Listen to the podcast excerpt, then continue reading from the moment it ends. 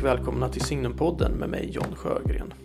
Det här avsnittet ska handla om en av de mest inflytelserika personerna och tänkarna inom katolska kyrkan och egentligen inom hela kristenheten de senaste 150-200 åren, nämligen John Henry Newman.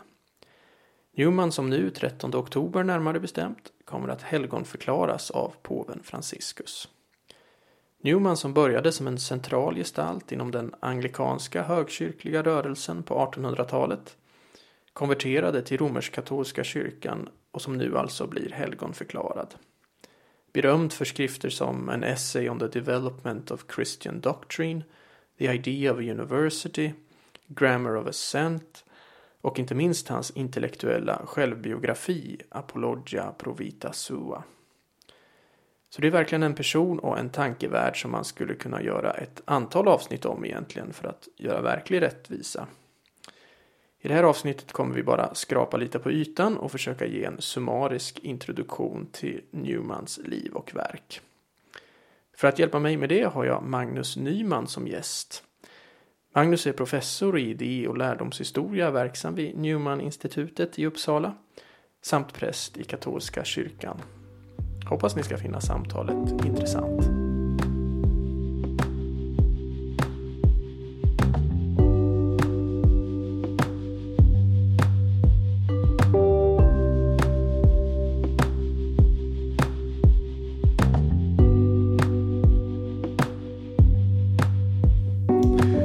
Ja, välkommen till Signumpodden Magnus Nyman. Ja, tack så mycket. Eh, vi ska ju prata John Henry Newman här idag, din eh, namne kan man säga. Och, eh, mm. du kom, han kommer ju, som jag berättade här inledningsvis, att helgonförklaras 13 oktober. Och du kommer ju faktiskt vara på plats i Rom när det sker. Ja, det känns ju jätteroligt att ha möjligheten att vara där då, verkligen. Ja. ja. Och du gör nästan en liten Newman-turné va? För du ska till Dublin först, eller hur var det? Ja, jag är ute och reser lite grann den här veckan. Ja. På det sättet så hamnar jag, utan, att, utan egen förskyllan eller värdighet, så hamnar jag både i Dublin där John Henry Newman under ganska många år, alltså en 6-7 år i alla fall, verkade som, som grundare av, av, ett, av det universitetet där. Ja. Eh, och sen då i Rom, så att eh, ja, där har jag också studerat, om än inte kanske på en högre nivå då, men i alla fall. Så det var lite roligt att få vara på båda de här platserna. Eh, och eh, ser jag fram emot. Mm, fint. Vi kommer ju gå in här på eh, lite närmare på hans liv. Men jag tänker att jag börjar bara med att fråga dig. Hur, hur ser din relation till Newman ut? Hur, hur upptäckte du honom? Ja, det började för väldigt länge sedan egentligen genom att jag läste hans eh, eh apologia, hans eh, försvar för varför han blev katolik och hur han kom att utveckla sin tro och eh, därmed också hans, de, de, logiska ramar och den så att säga, historiska utveckling som ledde fram till det här.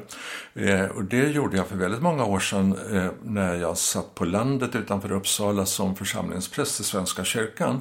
Och påverkad av den liturgiska förnyelsen var jag väl då. då. Och jag var intresserad av fornkyrkan för det eh, fanns mycket spännande där. Och hur man skulle kunna eh, utveckla, eller om det gick att utveckla ett, en, större, en större närhet till det katolska arvet så att säga. Eh, och så upptäcker jag att, att John Henry Newman eh, långt, långt tidigare hade suttit och grubblat över samma saker och hade ungefär samma, samma utvecklingsgång som jag kom att få i alla fall. Mm. Eh, så att jag, jag mötte honom ganska tidigt och, och som församlingspräst. Men jag mötte honom egentligen ännu tidigare och parallellt med det här. För jag ingick i en liten grupp på den tiden som hade eh, Alf Herdelin, professor Alf Herdelin som lärare. Mm. Och Alf Herdelin hade skrivit sin avhandling om just eh, Oxfordrörelsen, alltså den högkyrkliga anglokatolska rörelse som växer fram i Oxford på 1830-talet och så där John Henry Newman kommer att bli en av ledarna. Så jag fick veta ganska mycket om den här gruppen och deras sätt att resonera och skrev någon uppsats och sådär för honom i den här frågan och kommer ha eh, Alf lite grann som en samtalspartner också senare. Ehm, så på det sättet följde John Henry Newman mig lite som ett slags fritidsintresse. Mm. Först via den kretsen, senare också lite grann via Erwin Bischofberger, jesuiten i Stockholm, som också mm. hade John Henry Newman. Och sen har jag träffat ytterligare några stycken då fackforskare mm. som har haft Newman som, som specialitet. Själv har jag bara liksom på det sättet kommit lite vid sidan om i kontakt med honom. Men det, Apologia var det första jag läste. Mm. Sen kom jag läsa en del predikningar och lite annat. Och sen kom jag att titta lite mer på honom senare. Mm. Ja, han levde ju ett väldigt eh, eh, händelserikt liv får man säga. Och han var ju väldigt bred både som tänkare och författare. Eh, så det finns ju väldigt mycket man skulle kunna ta upp och fördjupa sig i. Men eh, jag tänker att vi försöker gå igenom hans liv hyfsat kronologiskt och sen kanske på vägen göra några nedslag i hans tankevärld. Mm. Förföljer man hans liv så, så tycker jag att man också får syn på ett tema som är centralt också i hans eh, författarskap, nämligen det här med utveckling. Absolut. Hans liv präglas ju på många sätt av ständig utveckling och stor, ganska stora omvälvande förändringar. Mm. Och hans mest en av hans mest berömda böcker och mest berömda tankar är ju det här med development of doctrine. Så. Ja. så det finns ju starka beröringspunkter mellan hans liv och, och tankevärld. Men eh, om vi ska börja från början så. Eh, han föds i London 1801. Ja. Eh, ska man säga någonting om hans familjeförhållanden? man kan väl, ja, han, han, han har ju en dramatisk på sätt och vis uppväxt. Eh, pappan är form av bankdirektör eller någonting sånt skulle man kanske kunna säga. Eh, som väl kanske är en mer eh, loj anglikan av tidstypiskt snitt kanske man skulle mm. kunna säga.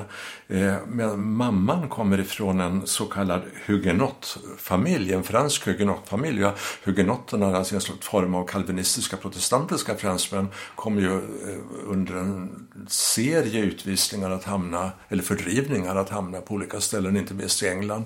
Och tydligen så är mammans familj då flytt, får man säga, till, till England. Så hon har den här kalvinistiska och rätt så antikatolska franska bakgrunden. Eh, men det är en eh, form av eh, medel, hög, hög, övre medelklassfamilj som man växer upp i ända tills pappan går i konkurs och får börja söka sig efter mindre lyckade eh, alternativa sysselsättningar. Han kommer att bli öltillverkare eller bryggare på lite, på lite lägre nivå sådär under en period och så. Men tydligen har de i alla fall pengar nog så att John Henry och hans fyra syskon får en hyggligt bra utbildning allihop. Han har alltså två stycken bröder och två systrar.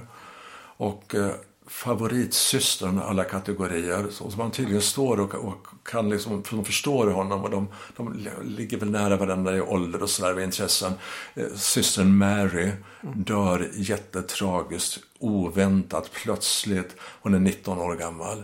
Och det där kommer att påverka John Henry under resten av livet. Han minns denna Mary och det skapar en form av, kan man kanske säga, depression i hans väsen. Det utlöser någon form av tungsinne kan, kanske man kan beskriva det som. Mm. Ja. ja, det där finns ju vittnat om just hans tungsinne och ja, närmast ja. depressiva sida. Sen har han ju två stycken bröder då. Eh, eh där eh, brodern Charles väljer en form av agnostisk livsväg, kanske till och med ateistisk. Det var ju relativt vanligt vid den här tiden, inte minst om man var påverkad av den franska revolutionen och den franska upplysningen. Så det fanns ju engelska naturligtvis också, flera stycken, eller hur? Som driver en form av agnostisk eller ateistisk vetenskaplig profil. Och där hamnar Charles. Men Francis, den andra brodern, som också är ett sånt där universalgeni, som lär sig utdöda språk och åker till Indien och har en väldig bredd, läser biologi, 1800-tals bredd i sin utbildning och som uppfattas som en lärdomsgigant och som blir professor i klassiska språk. Om jag minns rätt så var det i Birmingham, Birmingham också han hamnade. Kanske senare i London, men i alla fall en jättebredd. Men den här brorsan Francis har en liten defekt som John Henry Newman inte har. Lite konstigt egentligen och defekten är att han har absolut inget sinne för humor. och tar allting bokstavligt. Och det gör att han krockar både med kollegor och med eh, vänner och med familj gång på gång. Francis har ingen förmåga att förstå det roliga i någon situation eller det humoristiska. Och sån var ju inte eh, John.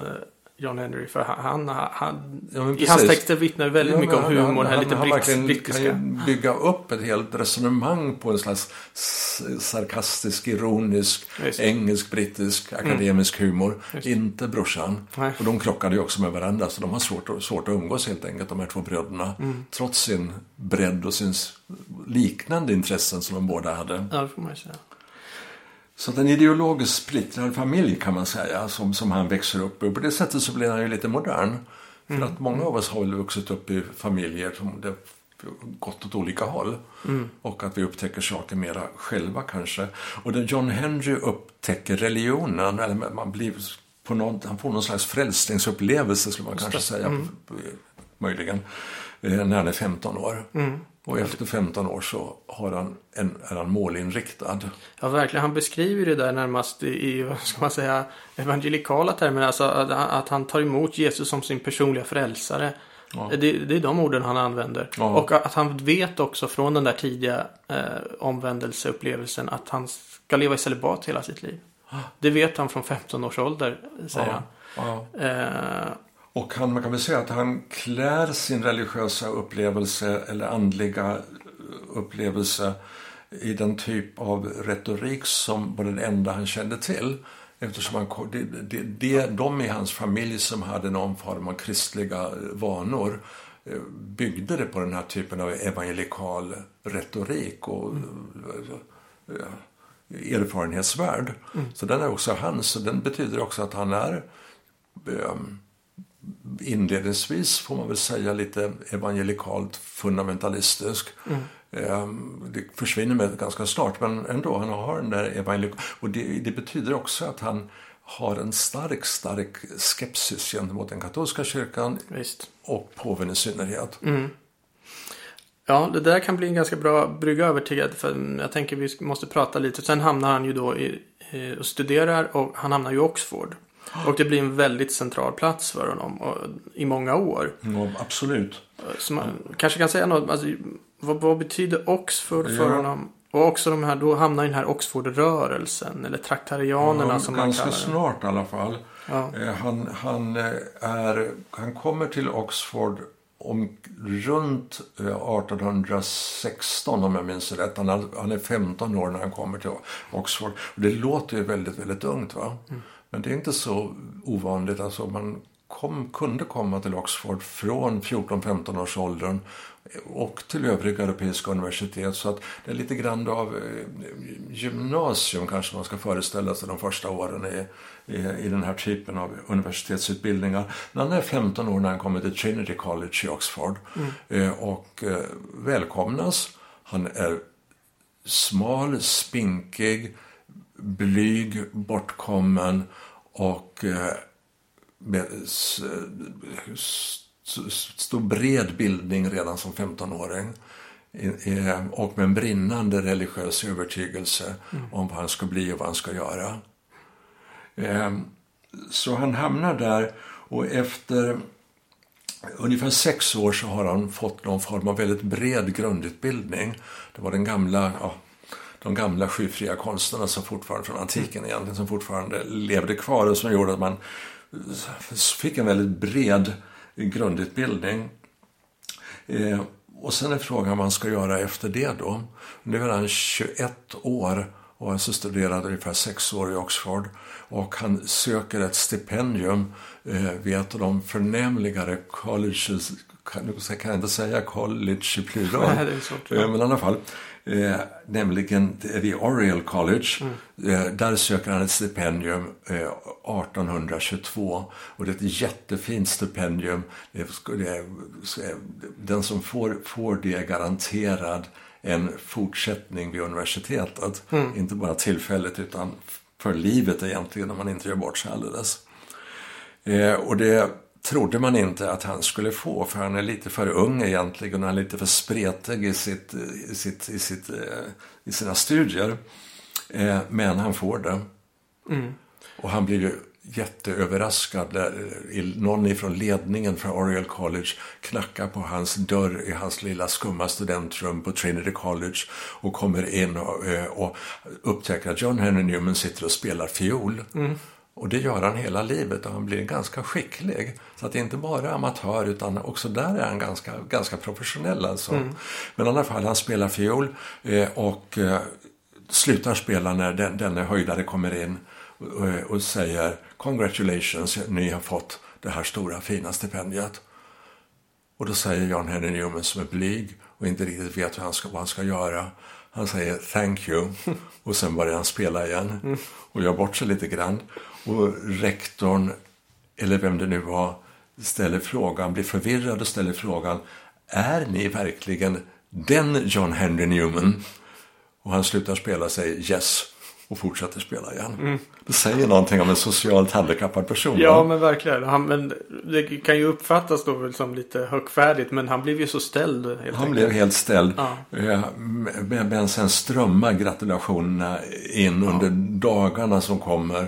Och han måste ju sen också besöka Oriel College som han tyckte tydligen var fruktansvärt pinsamt. Han är fortfarande så pass ung. Va? Han är mm. 21 år, en blyg, blek förläst liten kille mm. eh, som har problem med det här att umgås med, med alltså mm. okända människor.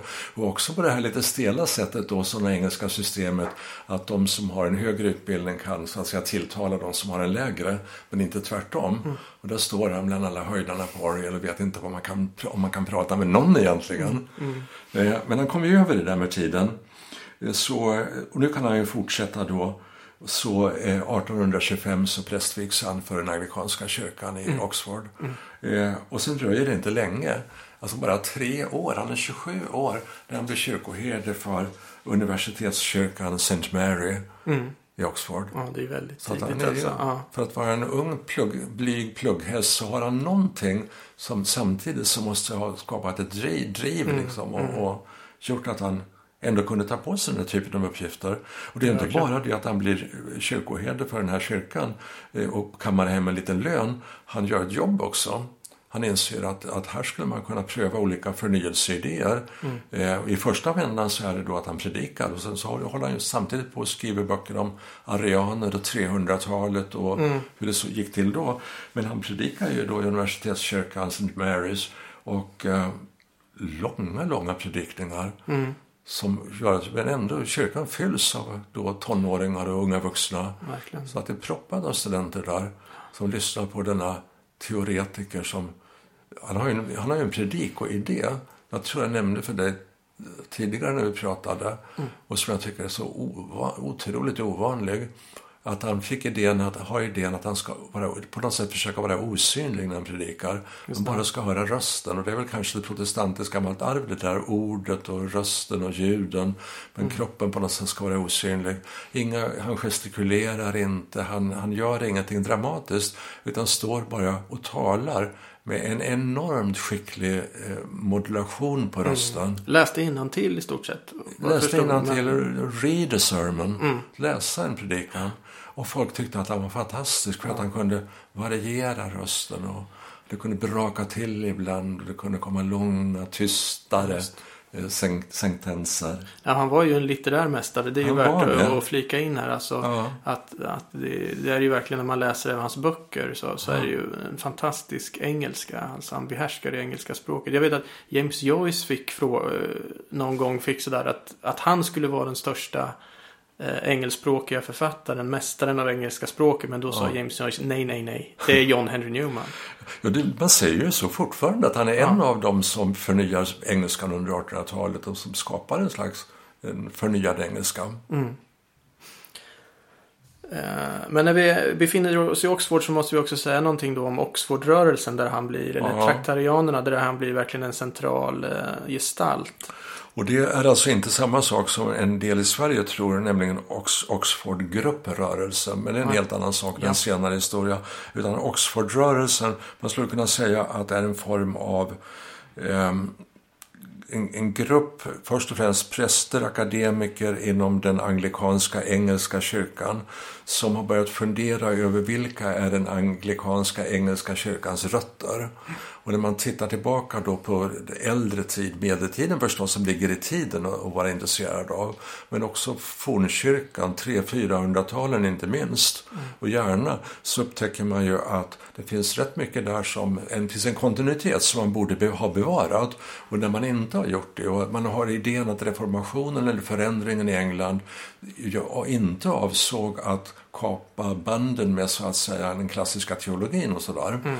Utan tvärtom upptäcker man att det finns en massa saker här som man borde lyfta fram mer och som har blivit lite grann bortglömda i England.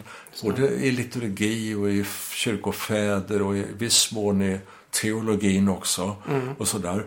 Så det är det som den här Oxford-rörelsen försöker göra. Och nu är vi väl inne en liten bit in på 1830-talet där mm. de kommer igång på allvar. Men de är ju, man kan säga, de betonar precis som du säger kontinuitet och katolicitet men de är ju antiromerska. Ja, det är de. Och, och jag tror ni, Newman till och med i något av de här traktaten eller om det är i något av predikningarna till och med kallar påven antikrist vid något ja. tillfälle. Så det är starkt antiromersk rörelse ändå. Ja, åtminstone så här delar av den starkt antiromerska. De här hade lite olika åsikter, de här eh, ledande traktarianerna. Det fanns de som var lite mer beundrande inför Rom. Men John Henry Newman är väldigt skeptisk mot påven. Mm. Eh, och eh, det kommer han att behålla en skepsis ganska länge, mm. eller åtminstone flera år. Eh, men den kommer att det modereras allt eftersom. Mm. Eh, men han har det som han, han, har någon slags idé som jag tror att många förnyelsesträvare har haft inom de olika samfunden. Nämligen att deras eget samfund har varit någon form av den gyllene medelvägen. Någon slags aristotelisk ja. gyllene medelväg. Det var ju något han hela tiden pratade om. Ja, och det, så drömmer John Henry Newman länge om att den anglikanska kyrkan är den kyrka som, som har sina rötter i, ja, förstås hos Jesus Kristus och apostlarna, men också genom eh, kyrkohistorien, mm. den gyllene medelvägen och sen så finns de extrema protestanterna och då räknar han också in alla typer av lutheraner. Mm. Kanske inte kände till Svenska kyrkan direkt men i alla fall mm. lutheranerna menar han är en form av extremister och på samma sätt katolikerna, de romerska katolikerna, mm. de sanna katolikerna, den mittenfåran det är den anglikanska då, världen som tyvärr inte har förstått det själva. Mm. Men John Henry och hans inte alltför många kompisar har anat det här. Mm. Vilket gör biskoparna ibland lite irriterade för de tycker kanske att det här är lite oroväckande. Just det. Men hur, hur ser den då För sen 1845 då, då, då blir han till sist upptagen i romersk-katolska kyrkan. Alltså hur ser den vägen ut? Hur, hur, kommer, han, hur kommer han till den slutsatsen? Ja, det, det, det, Från det här väldigt antiromerska till... Ja, Eh, ja, det, det kommer lite krypande. Eh, du nämnde ju att eh, han, precis som flera andra, i, och kan väl lägga in honom på sätt och vis i den romantiska rörelsen, ibland, inom romantiken i vidare mening i alla fall. Även om han inte riktigt själv skulle gått med på det. Mm. Men där det, där det handlar om historia, där det handlar om tid, där det handlar om utveckling. Mm. Och när jag mer och mer börjar tänka att utveckling är ju inte förändring, utan mm. fördjupning. En växt kan inte bli ett lejon. Utan det, det, det, sker inte så, utan det sker gradvis och successivt och med en rottrådar. Mm. Och då, nu börjar han fundera över hur pass, är inte väldigt mycket av det som 1800-talets eh, katolska kyrka påstår att Eh, de tror och, bekänner är inte det det som kyrkan redan på Augustinus tid mm. egentligen trodde och bekände. Precis. Och är det anglikanska kyrkan som står närmast den här via media. Mm. Så att gradvis börjar han fundera över om, om det inte ändå är så att kanske katolska kyrkan eh, är via mediakyrkan och då faller ju det här med antikrist och allting successivt i alla fall. Och genom att han studerar den här kätterska rörelsen som kallades arianerna på 300-talet, eller den här rörelsen utanför den katolska kyrkan.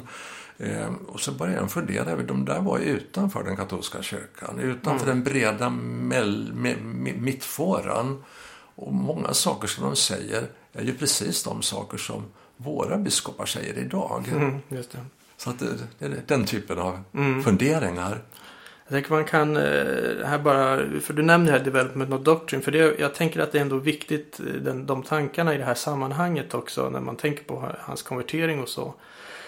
För det är ju en slags, eh, han bör, den boken börjar han ju skriva om jag minns rätt som anglikan men avslutar som katolik. Ja. Eh, om jag minns rätt. Eh, och eh, jag, om jag minns rätt så får han den publicerad eh, utan att den granskas av, eh, eh, av någon eh, katolsk censor. så tror jag det. För, för att alla är inte riktigt nöjda med den i efterhand. Ja, just det. Men, men där har han i alla fall, det är en slags um, antiprotestantisk tanke där närmast. Eh, Ja. Eh, så för, eh, liksom som emot den här protestantiska eller lutherska tanken om ad fontes tillbaka till källorna, det här alena-tänkandet, sola scriptura och så vidare. För hans eh, förhållningssätt i den boken är väldigt historiskt. ja, men precis. Och det det- finns ett ett känt citat där i början. Att to be deep in history is to cease to be protestant. Ja, det stämmer, det stämmer. Han säger så, ja. Och, och precis det här som du sa, det han försöker visa i boken då är ju hur dogmer och doktriner och sanningar utvecklas över tid. Att de så att säga blir djupare, klarare och mer levande över tid. Och han Ja. har ju då den här klassiska bilden med, av, av en flod. Alltså en flod är inte som mest intressant eller som mest levande vid källan. Utan det är när floden har utvecklats och blivit bredare som den, som den är verkligt levande och liksom når sin fulla potential. Och så menar han då att det också med, är med idéer och dogmer. De, de är som en flod som utvecklas historiskt över tid och som precis som en flod Ja. måste anpassa sig efter omgivningen och eh, ta upp Och det- bifloder och, det sådär. där, det, där, det- ja, det där var ju väldigt, var ju väldigt det var ju, det var ju oroväckande när, när han säger det där i sin, i sin samtid. Mm. För att det var fortfarande, på, inom, inom katolsk mark så var det fortfarande en form av eh, ska vi säga, kalla det för nytromistisk eh, teologi som var ganska konservburgsartad. Mm. Eh, åtminstone inte, hade inte mycket av historisk eh, utveckling in, in, inbyggd i sig utan det var trons, trons eh, skattkammare som hade varit. Och här, och här kan man ju se Newman lite som en föregångare till novellteologi som kommer Ja, senare. Så som är mycket mer historisk och som på sätt och vis då är ju en ad fontes-rörelse.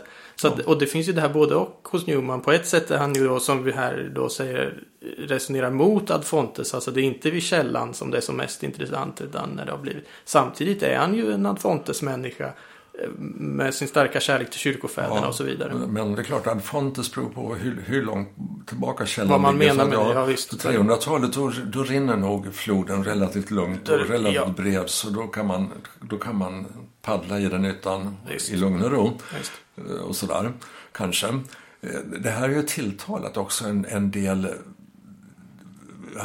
Bredden i hans tänkande och de här bilderna har ju tilltalat eh, också eh, ganska vildvuxna tänkare som har trott att eh, John Henry Newman med det här med utveckling och flod och så, källan som blir, som blir bredare och bredare ju längre bort ifrån själva källan som vattnet kommer så, så kan man ju också få för sig att man får ändra lite hur som helst. Eller, Absolut. Eh, Men det där är han ju egentligen inte alls intresserad av. Nej, alltså det är ju lite intressant. Man kan ju ta upp det då lite hur Newman kan tolkas idag då. För att precis som du säger.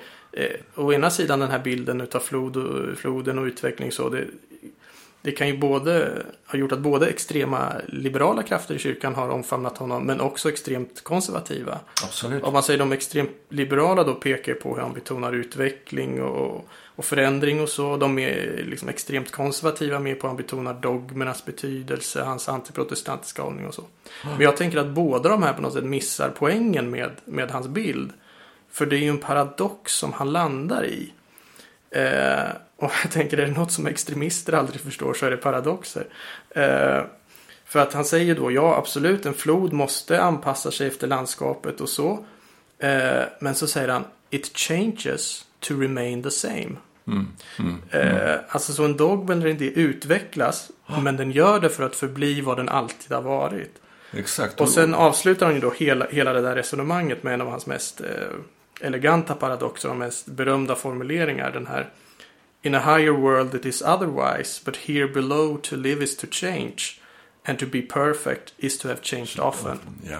Ja. Eh, Ett citat som också säger något om hans liv, tänker jag. Ja. Ja. Ja, men så det, är- det är någon paradox han landar i. Så att mm, det, blir, det är svårt att eh, eh, placera honom på den här liberala konservativa skalan. Och sen är det väldigt svårt att placera honom idag i någon slags modern liberal konservativ skala för att han lever i en totalt annan värld. Ja. Och en del av det som eh, dagens läsare tycker är fantastiskt när han kan kritisera kyrkans eh, ledning i Rom så är det fortfarande kyrkostaten som John Henry Newman är en av dem som är, åtminstone inte riktigt tror hör framtiden till. Och det hade han ju fullständigt rätt i att åtminstone kyrkostaten så som den såg ut, att ett, ett illa skött, en illa skött monarki i centrala Italien, det kanske inte ändå behövs för att kyrkan ska kunna eh, utvecklas. Och några av de italienska 1800-talspåvarna var kanske inte världens mest framsynta eh, gestalter heller. Eh, så eh, delar av den skepsis han eh, hyser har ju liksom väldigt lite med modern, den moderna kyrkan att göra kanske man får säga ändå. Den ser väldigt annorlunda ut. Och det här, han föds ju egentligen under efterdyningarna av franska revolutionen. Han föds vid en tid när påven sitter i fransk husarrest. Han föds under en tid när jesuitorden är förbjuden. Eh, han föds under en tid med så många europeiska länder som har en mycket stor antikatolsk, antikatolska stämningar. Portugal, Spanien, Frankrike och så vidare. Delar av Italien.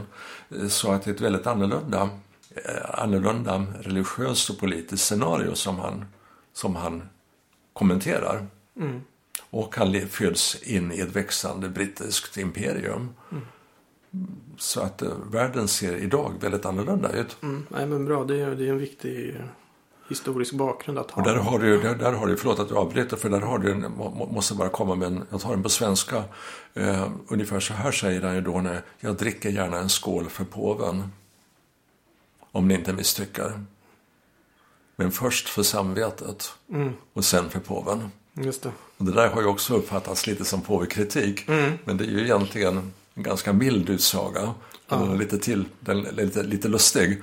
Men det är ett betonande av att eh, katoliker inte är så som många protestanter beskrev dem då i den här antikumeniska andan som fanns då. Att de inte följer något samvete utan är någon slags slavar under påven. Därför betonar han samvetet och påven. Det var inte kritik mot påven eller samvetet utan tvärtom så behövs både samvete och påven. Ja, men det är bra. Han kallar väl också samvetet för, eh, vad han säger, eh, conscience is the aboriginal vicar of Christ. Alltså samvetet är det eh, liksom, ursprungliga Kristi ställföreträdare.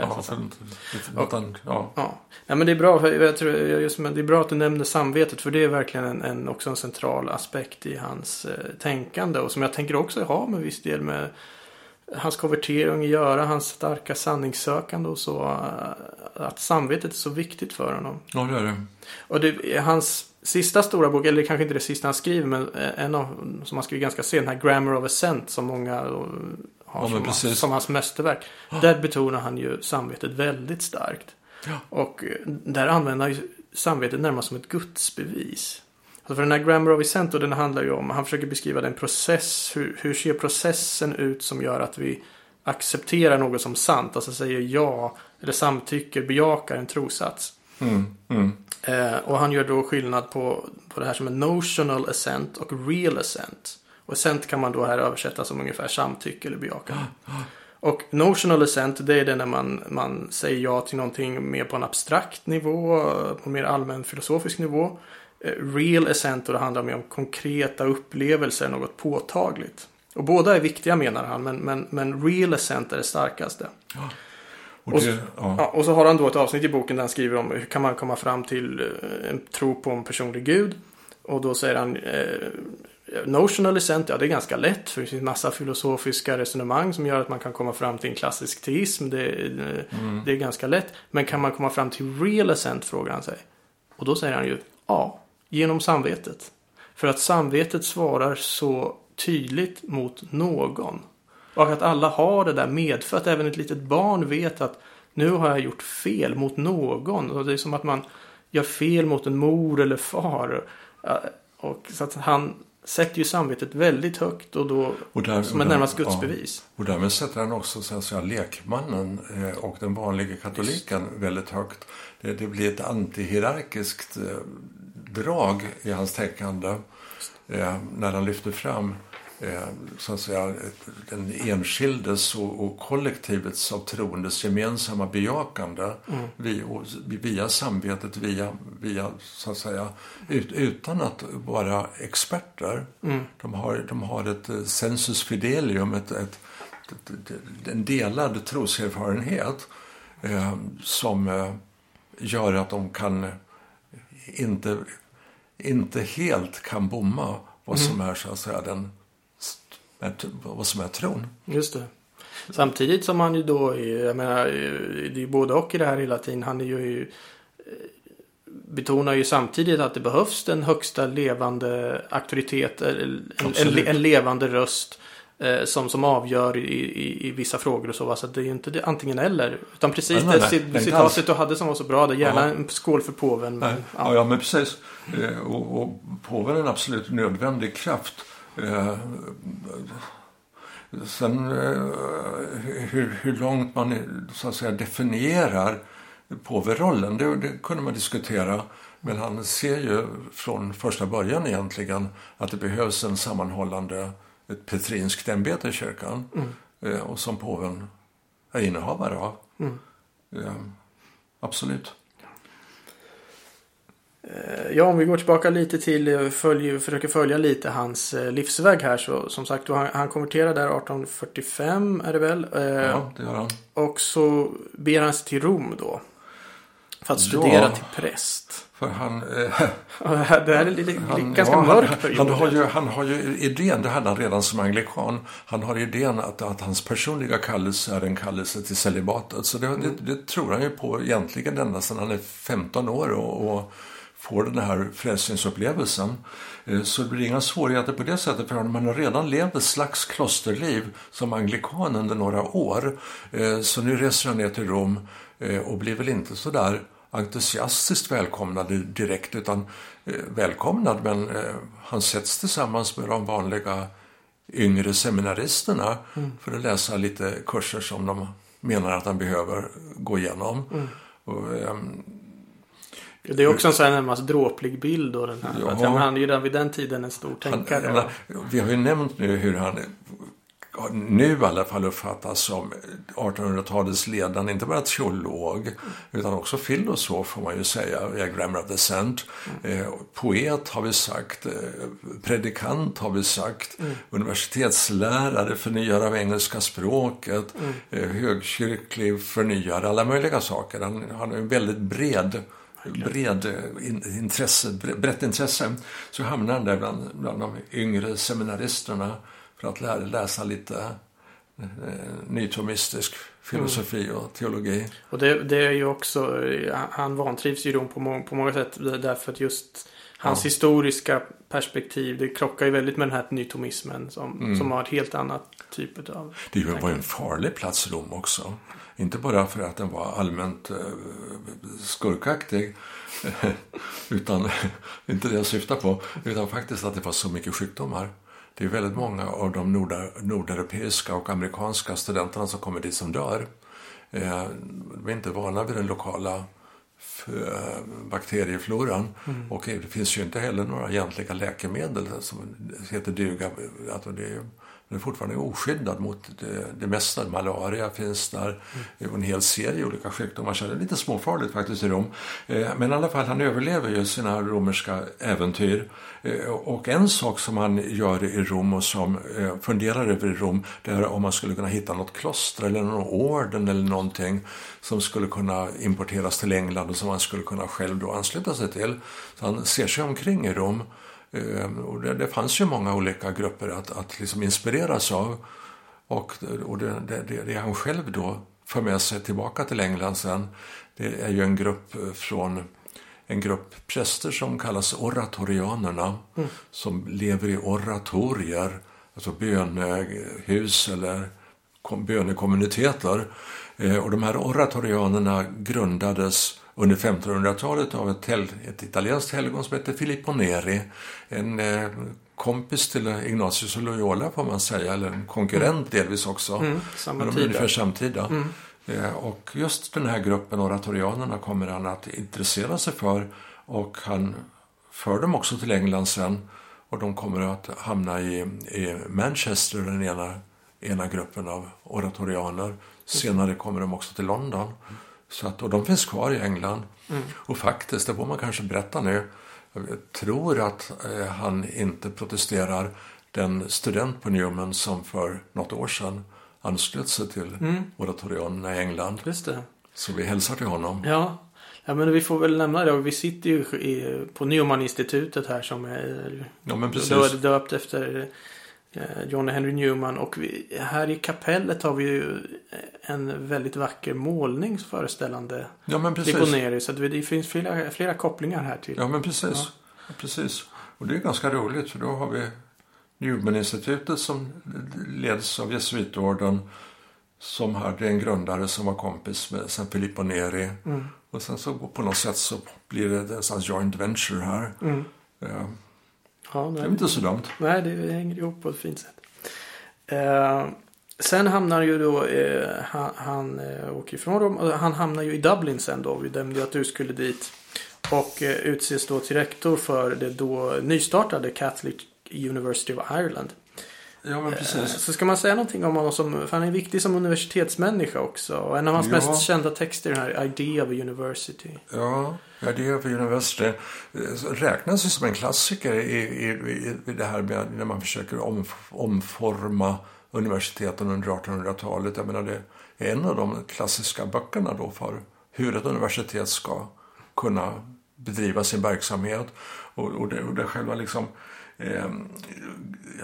John Henry Newmans grundidé är att ett universitet kan vara hur bra på, som helst på att skapa, jag höll på att säga nobelpristagare, alltså spetsforskare, jätteduktiga akademiker och ändå inte vara ett bra universitet. Mm. För ett universitets syfte är inte i första hand att skapa brighta eh, specialister om de inte också står i kontakt med de andra ämnena med en bredare form av bildning mm. där vishet ingår som, eh, på att säga, viktigare än den här spetskompetensen, åtminstone lika viktig. Mm. Och att, att just dialogen över gränserna, core curriculum eller något sånt där skulle man kanske kunna säga idag, att, att få en bredd i utbildningen. Mm humanistingenjörer har vi pratat om och mm. sådär. Och det är nog inte kanske alldeles fel för att man möts över gränserna och mm. har samtal. Och då tänker sig Jan Henry Newman att det ska finnas olika typer av mötesplatser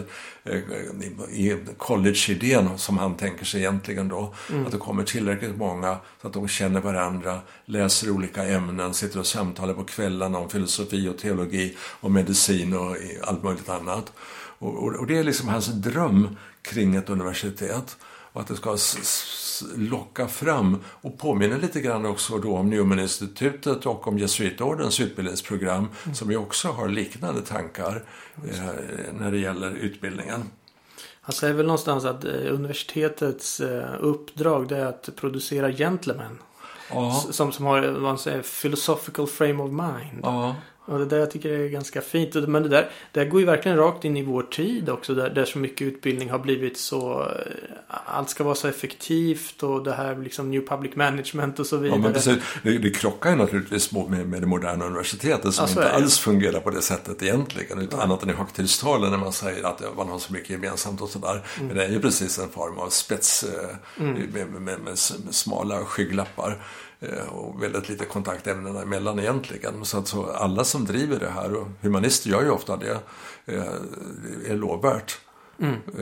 Men eh, det ligger långt ifrån normala mm. universitetsgolvet liksom. Idag. Absolut, men kanske en text då att återupptäcka tänker jag ja. för, för många idag. Absolut, den, känns, den känns nästan viktigare i, för varje år som går på något sätt.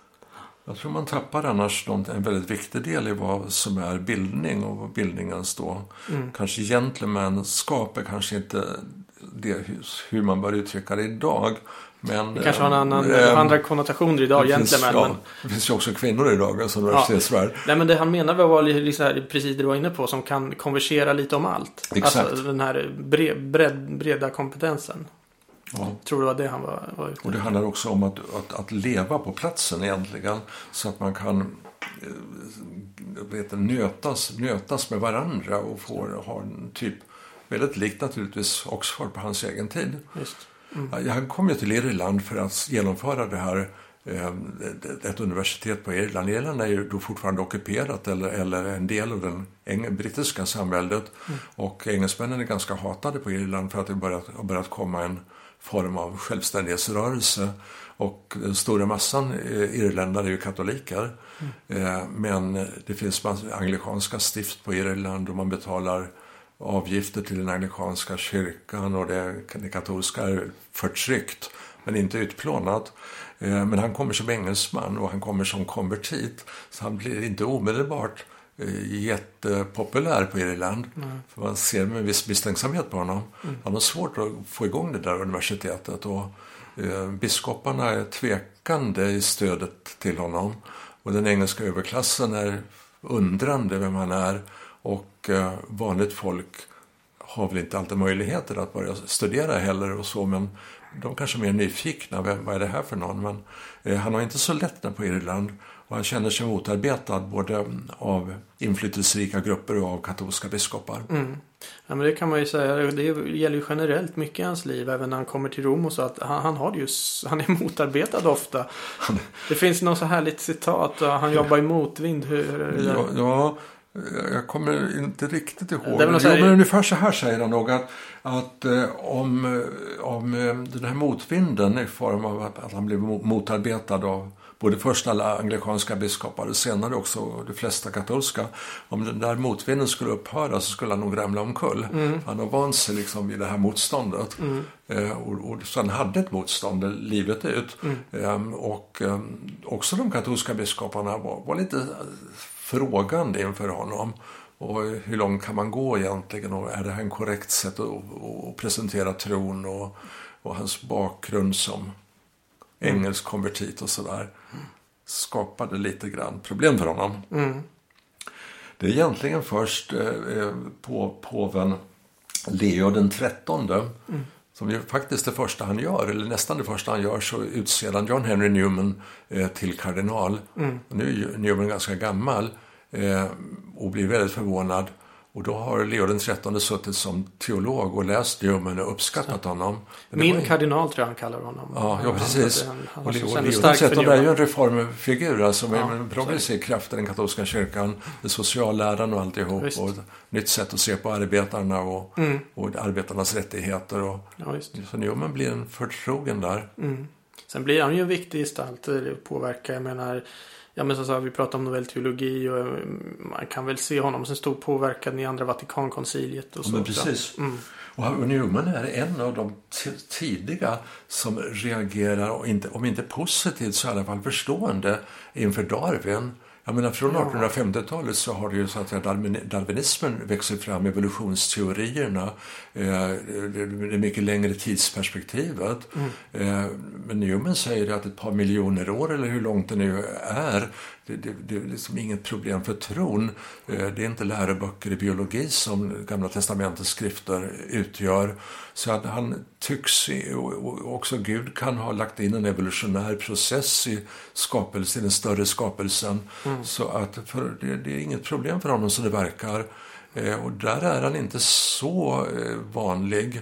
Utan det- är lite mera lite skräck i första generationen teologer i England, Sverige med för den delen, när det gäller, gäller eh, evolutionsteorierna. Ja, men jag tror man ska också se hans development of doctrine. Hela Ja, den, precis. den tankevärld, alltså att det kommer ur hela det här 1800-talet där darwinismen lever. men precis, så du kan ju liknande både- tanke på något sätt. Att saker både- utvecklas. så. Du kan ju säga att både Darwin och Newman på något sätt är tidstypiska då, mm. i de här evolutionära idéerna. Mm. Bara applicera dem på lite olika... Ja, visst. Ja. Ska vi avslutningsvis säga någonting då om eh, eh, Newman som helgon. Nu kommer han som sagt eh, helgonförklaras här om, om några dagar. Och eh, det som oftast lyfts, lyfts fram om honom. Det är lite det vi har lyft fram här också. Han, betydelse för det intellektuella livet i kyrkan och så. Men finns det några andra aspekter man skulle kunna lyfta fram om man tänker på honom i termer av helgon ja. och helighet? Och så? Ja, men dels tycker jag nog att man kan lyfta fram det han själv ofta betonar. Alltså, vi har beskrivit honom som en väldigt intellektuell eh, personlighet.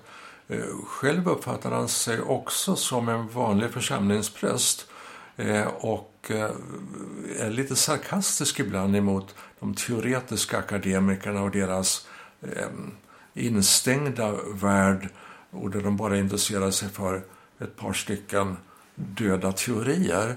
Eh, han är väldigt mycket mer besöker sjuka och predikar för fattiga. Och, ehm, eh, eh, och de, de katoliker han sen kommer att bli ledare för eller kommer att komma i kontakt med är ju väldigt ofta eh, fattiga irländska arbetare som söker sin utkomst i England undan svält och elände och stora katastrofer på Irland under mitten av 1800-talet. Så att eh, han kommer i kontakt med en värld av eh, arbetarbefolkning och kommer uppenbarligen att bli uppskattad också av den typen av människor. Så att han som präst kan ibland uttrycka sig förvånansvärt anti-intellektuellt. Mm. Um, han, och sen kan man ju säga att de, de um, de eh, personer nu som har rapporterats, de under som har rapporterats in till Rom och som har bidragit till att han har kommit att nu snart kanoniseras. Det är vanliga människor som har fått upplevt att de har blivit bönhörda av denna superakademiska mm. eh, Oxfordman. Mm. Men som uppenbarligen tycks röra sig i andra kretsar, så att säga. Mm, mm. Ja, Sen kan man ju, säga, kan man ju fundera, jag har ju hittat, jag har hittat ett citat där som du kan få höra om du vill. Ja, men det, det, jag tror jag har hört det där citatet. Jag tänkte vi kan avsluta med det, för det, det är ett jättebra, ja. lite hur han kanske, kanske själv skulle upplevt det här, att han ska bli helgon. Ja, läs gärna det. Det, det, det, det är väl kanske lite sunt att ha en skepsis mot sin egen förmåga att bli helgon. Mm. Um, han säger väl, på något tillfälle säger han att Um, unga helgon är väl, någon, är väl en sak, alltså att bli kastad inför lejonen på, på 200-talet när man är ung och stark och pigg, det är väl en sak. Men att bo eh, i Birmingham och få ålderdomskrämpor och stappla upp i sängen på morgonen och ändå försöka leva ett något sånär kristligt liv. Det är svårt att... För att det, det finns få gamla helgon, säger han mm, vid något tillfälle när han tycker det är lite jobbigt. Mm. Eh, jag stötte på, jag stötte på faktiskt Ian Kerrs eh, stora eh, mästerverk, stora eh, biografi över John Henry Newman som, som, som är den stora eh, biografin. Liksom. Så stötte jag på en liten en utsaga av John Henry Newman där han just pratar om, om sig själv som helgon. Mm. Och så säger han så här i min, min översättning, då, så säger han så här. Eh, det är trist att säga, men jag har inga som helst förutsättningar att kunna bli ett helgon. Helgon är nämligen inte litterära.